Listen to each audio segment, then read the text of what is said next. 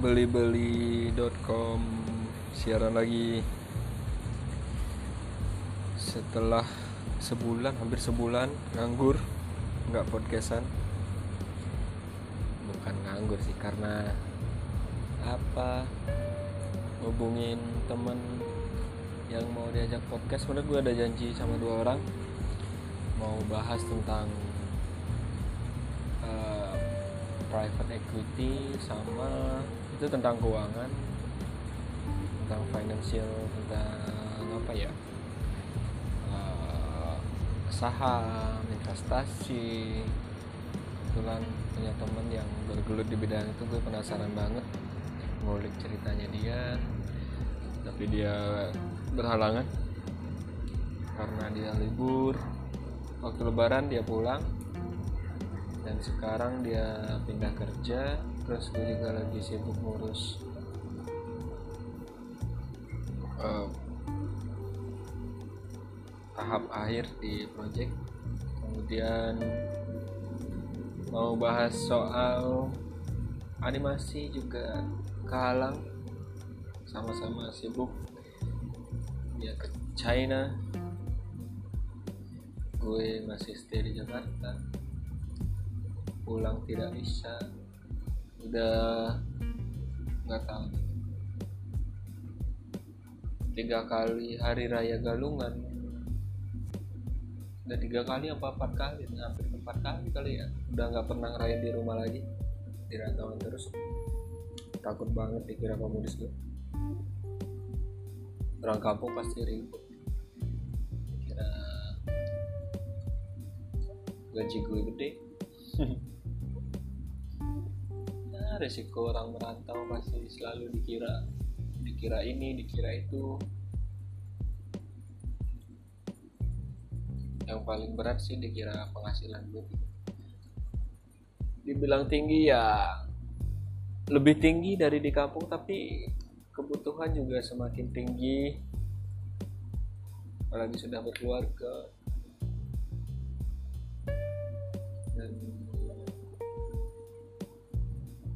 salah satu juga yang membuat berat memutuskan akan tetap merantau atau mulai merintis di Bali. Bingung banget gue. Ah. dan yang bikin podcast kehambat ya juga karena HP sempat hilang. Itu hilang di suatu tempat keramaian dicopet Jakarta dengan segala hiruk pikuknya. Akhirnya gue ngerasain namanya dicopet ini adalah kali ketiga gue kehilangan HP sedih ya sedih. Tapi ya biasa aja. Nggak tahu kenapa. Usia mungkin kali ya. Kayak yang oh fuck mau gue apain ini masalah sudah kejadian jadi ya udah terima aja lah. Salah gue banyak banget harus berdamai dengan masalah yang hadir. Hanya karena nggak menangis mungkin dikira nggak sedih. Hanya karena nggak tertawa dikira nggak bahagia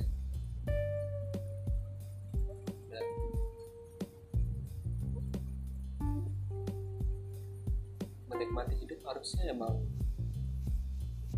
ya nggak harus nggak harus tertawa mulu nggak harus sedih nggak harus mengekspresikan ya harus nah gimana ya? Udah ya biasa aja gitu ya. Kalau ada kebahagiaannya yang nggak terlalu sampai ketawa ngakak terbahak-bahak. Kalau ada kesedihan juga ya ya mau gimana lagi udah hidup dan masalah pasti selalu ada kebahagiaan juga pasti selalu muncul.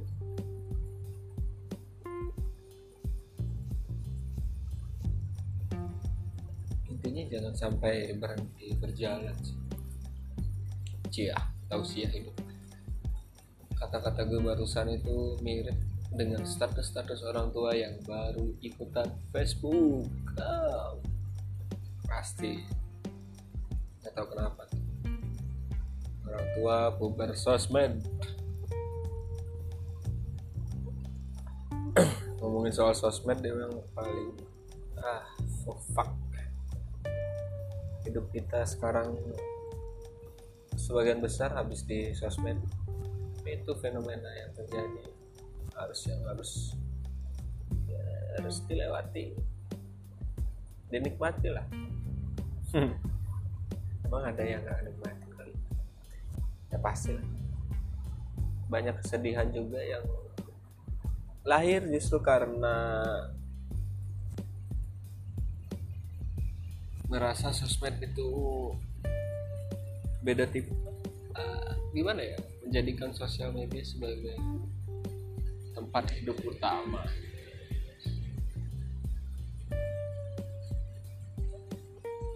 mulai pudar. Ya hidup kita ya tetap hidup. Kenyataan hidup ya ya ya depan sehari hari tetap berinteraksi dengan orang-orang sekitar.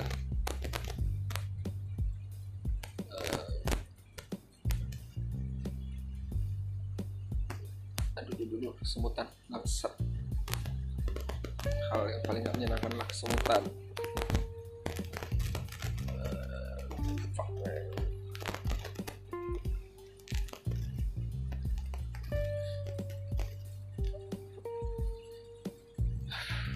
Gue sekarang udah mulai udah bukan mulai sih. Emang udah murah kayaknya ya udah emang udah. Jarang banget so udah mulai tahan diri.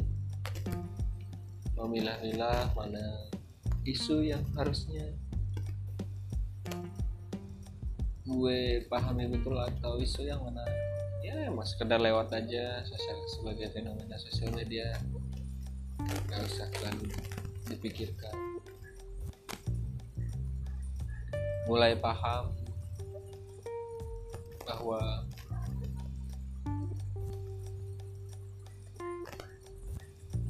mungkin semua udah sadar sih kalau sebenarnya orang-orang bermain sosial media itu ya untuk mencari pengakuan perhatian. Tapi beberapa juga pasti sadar bahwa harusnya itu menjadi tempat bukan menjadi tempat kita untuk berpura-pura. Sebenarnya sosial media itu asik banget sih. Asiknya kita bisa menjadi uh, siapa pun yang kita inginkan dengan cara mengikuti pola pikir atau opini opini lihat di sosial media sehingga kita terlihat seperti apa yang kita inginkan. Padahal belum tentu itu adalah diri kita. Gue juga ngerasa gitu sih terdampak lu pengen banget dilihat sebagai anak band update status dengerin musik-musik biar orang tahu oh ternyata dia penggemar band yang sangat kece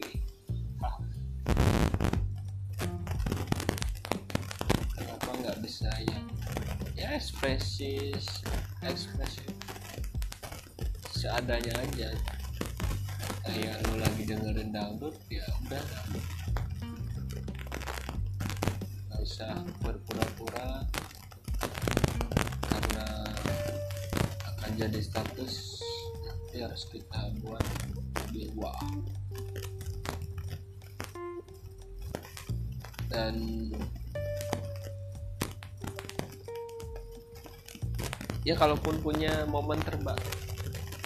Ya kalaupun ingin mencitrakan diri sebagai orang yang beda atau apa ya?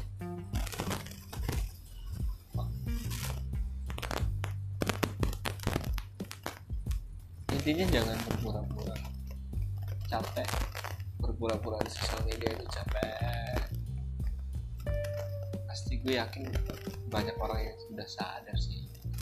Apalagi udah berapa tahun sih udah dari zaman Friendster, Twitter, Facebook dan lain-lain. Pasti bosen lah. Makanya pasti ada orang yang dulunya profilnya uh, sangat keren. Sekarang mungkin sangat biasa saja. Karena capek capek berpura-pura. Hmm. tapi emang sosial media juga memberi wadah untuk lo berkarya. Eksis sebagai pekarya.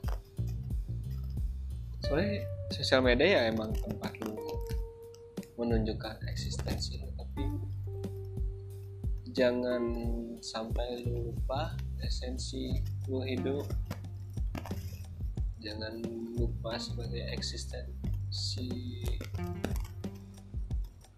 dasar yang ada pada diri lu. Ingin jadi siapa sih lu? Karena di sosial media selama ada kuota lo bisa jadi siapa saja. Jadi kemudian mampu menganalisa apa saja banyak terjadi di kota-kota dan gue juga termasuk salah satu orang yang pernah seperti itu. Oh isu politik nyambel isu isu pendidikannya ber pura-pura ngerti lah. Tapi makin kemari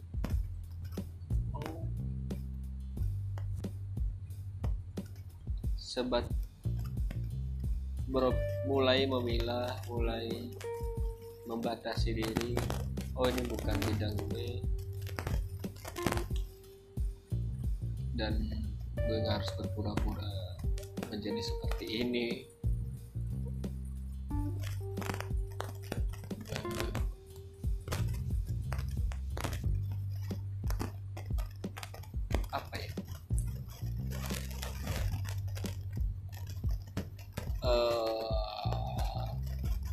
ketika lo memamerkan pencapaian berhati-hatilah. Karena itu kemungkinan menjadi peluang lu akan dipinjemin uang. Bukan karena tapi akan menjadi bumerang bagi lu ketika lu berusaha terlihat lebih dari apa yang lu punya di sosial media kemudian lu akan susah sendiri gitu hindarin orang yang minjem duit. Makanya ya seadanya aja kan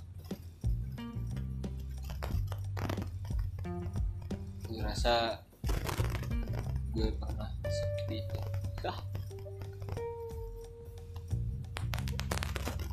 lagian capek juga menjadi orang yang dikira. Terus belum lagi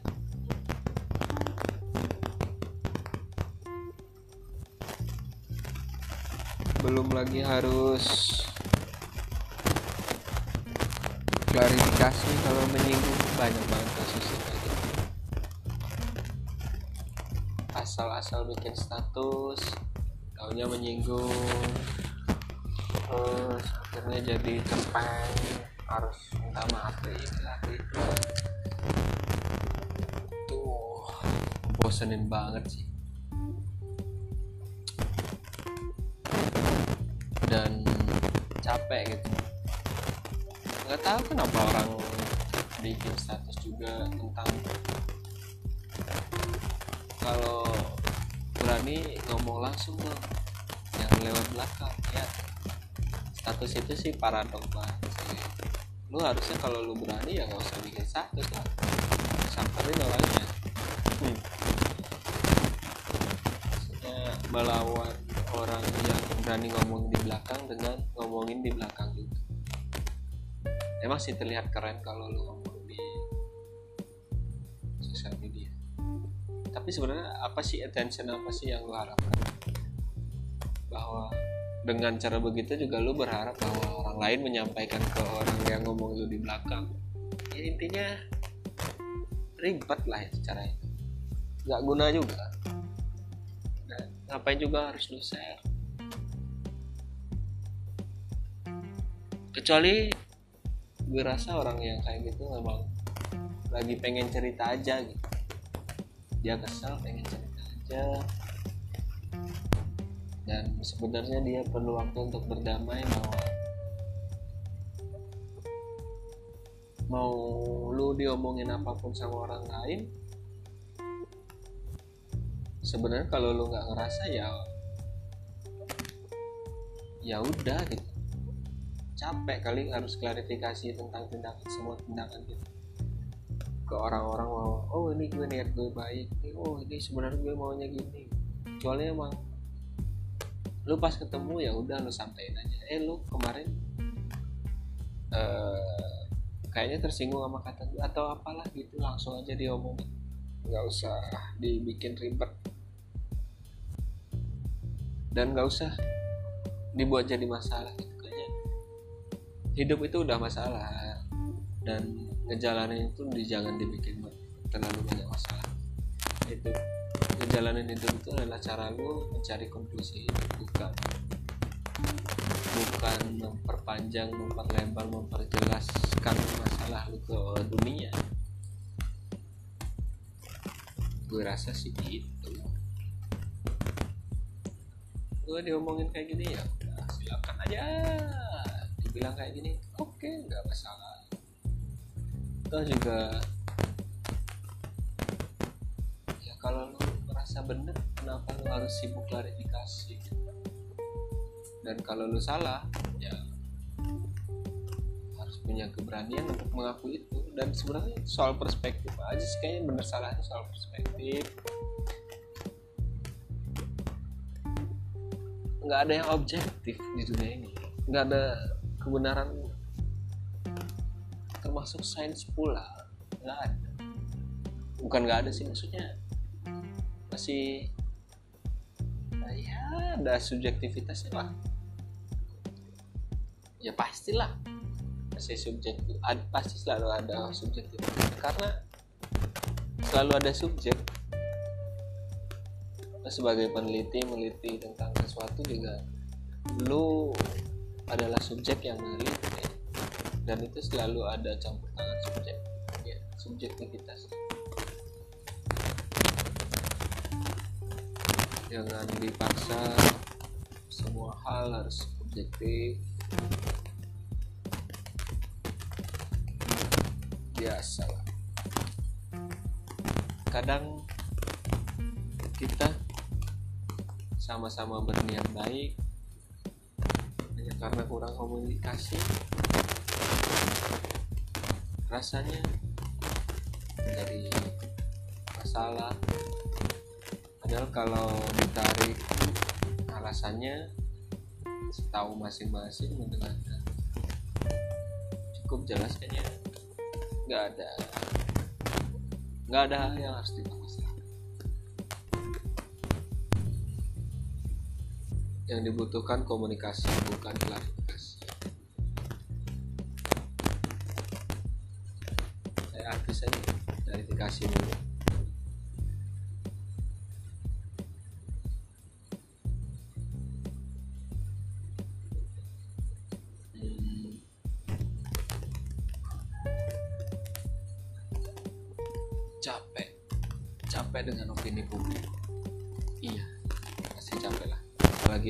sosial media zaman sekarang sosial media emang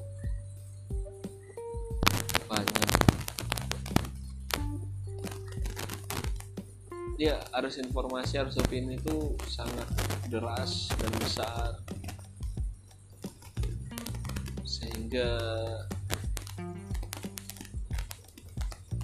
kalau lu tergulung susah untuk mengingat sebenarnya lu memperjuangkan apa? Lu sedang memikirkan apa? Mengingat diri lu siapa?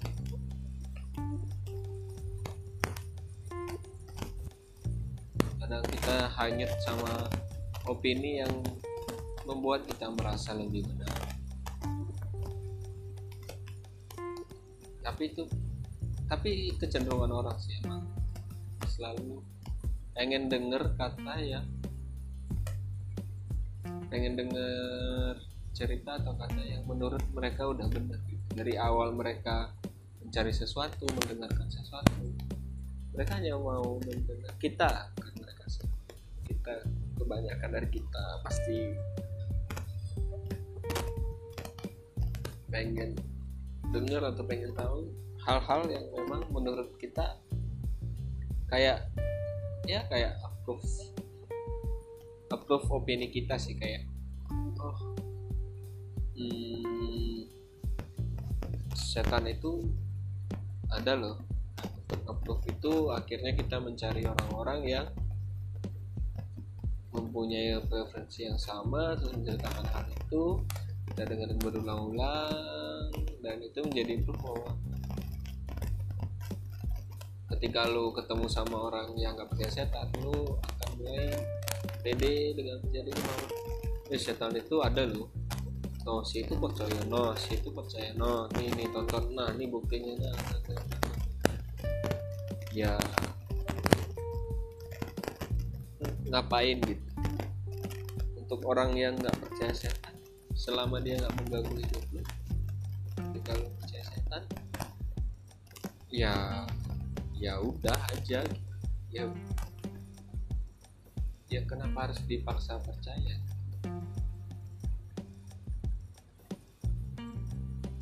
Mungkin hanya berbeda cara pandang. Lu nganggap bahwa setiap asap di kuburan pertanda ada setan dan si doi mikir bahwa setiap ada asap pasti ada api sebelumnya artinya berarti dia nganggap bahwa ya asap itu pasti habis orang kebakar sesuatu lah apalah. Lu ah, contoh kecil dan itu juga yang eh, hal yang sama juga berlaku soal keyakinan lainnya. Termasuk juga pendapat kita. Kita nggak harus selalu sependapat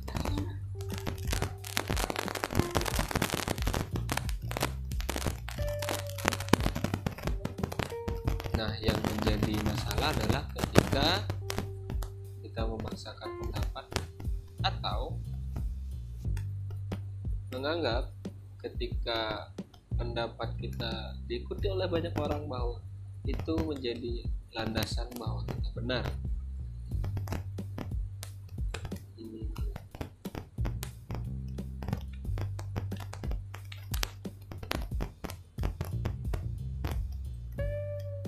So gue adalah orang yang banyak percaya bahwa setiap masalah yang hadir ke hadapan gue ya itu adalah karena gue sendiri. Capek gitu kalau kita harus dan kayaknya kita nggak bakal tumbuh jadi orang kalau harus selalu nyalahin orang lain selalu nyalahin keadaan selalu nyalahin eh, situasi atau apalah gitu. Intinya menyalahkan hal di luar kita. Gue orang yang idealis tapi cukup tahu bahwa dunia ini nggak ideal untuk sebuah idealisme. Apakah gue berkompromi? Ya tentu saja berkompromi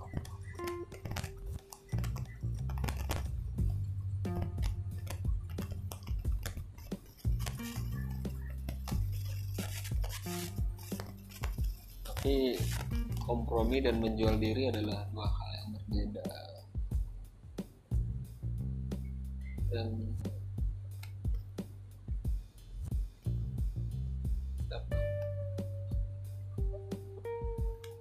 itu juga yang membuat gue nggak terbebani oleh kata-kata orang nggak terlalu terbebani dengan perkataan orang karena menurut gue ketika gue salah ketika ada masalah pada diri gue ada masalah yang menimpa gue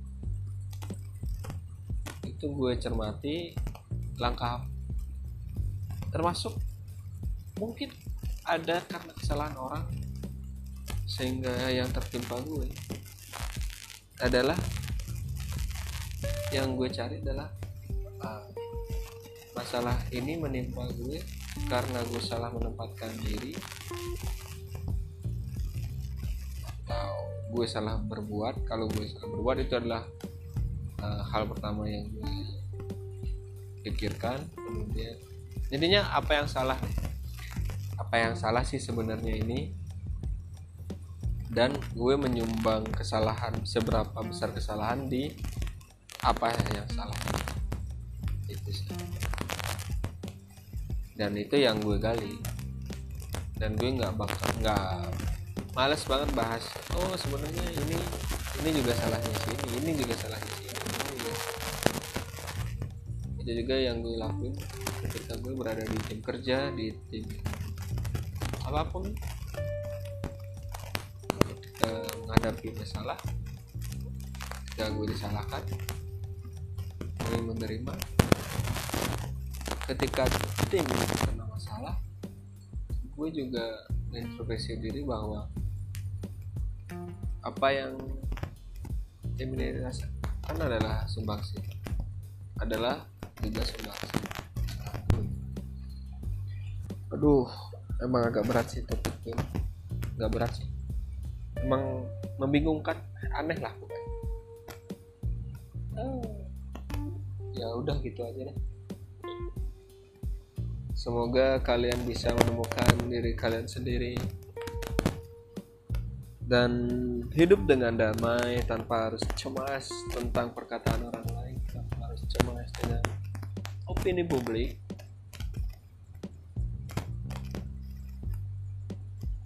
Opini publik penting untuk perspektif, tapi jangan sampai hanyut oleh ombak kopi ini. Biar nggak jadi gila gitu di sosial media nggak jadi gila di kehidupan nyata pula karena uh, cara kita membuat status di sosial media cara kita menentukan standar hidup kita mencitrakan diri kita di sosial media juga akan membuat kita akhirnya berpura-puranya sampai ke dunia nyata pula. Dan itu hal yang paling menjengkelkan. So be yourself. Nikmati hidup. Kalau kalian menikmati kepura-puraan ya nikmati. Silakan nikmati sampai kalian nek sampai kalian uh, tahu masalah yang timbul dari kepura-puraan E aí?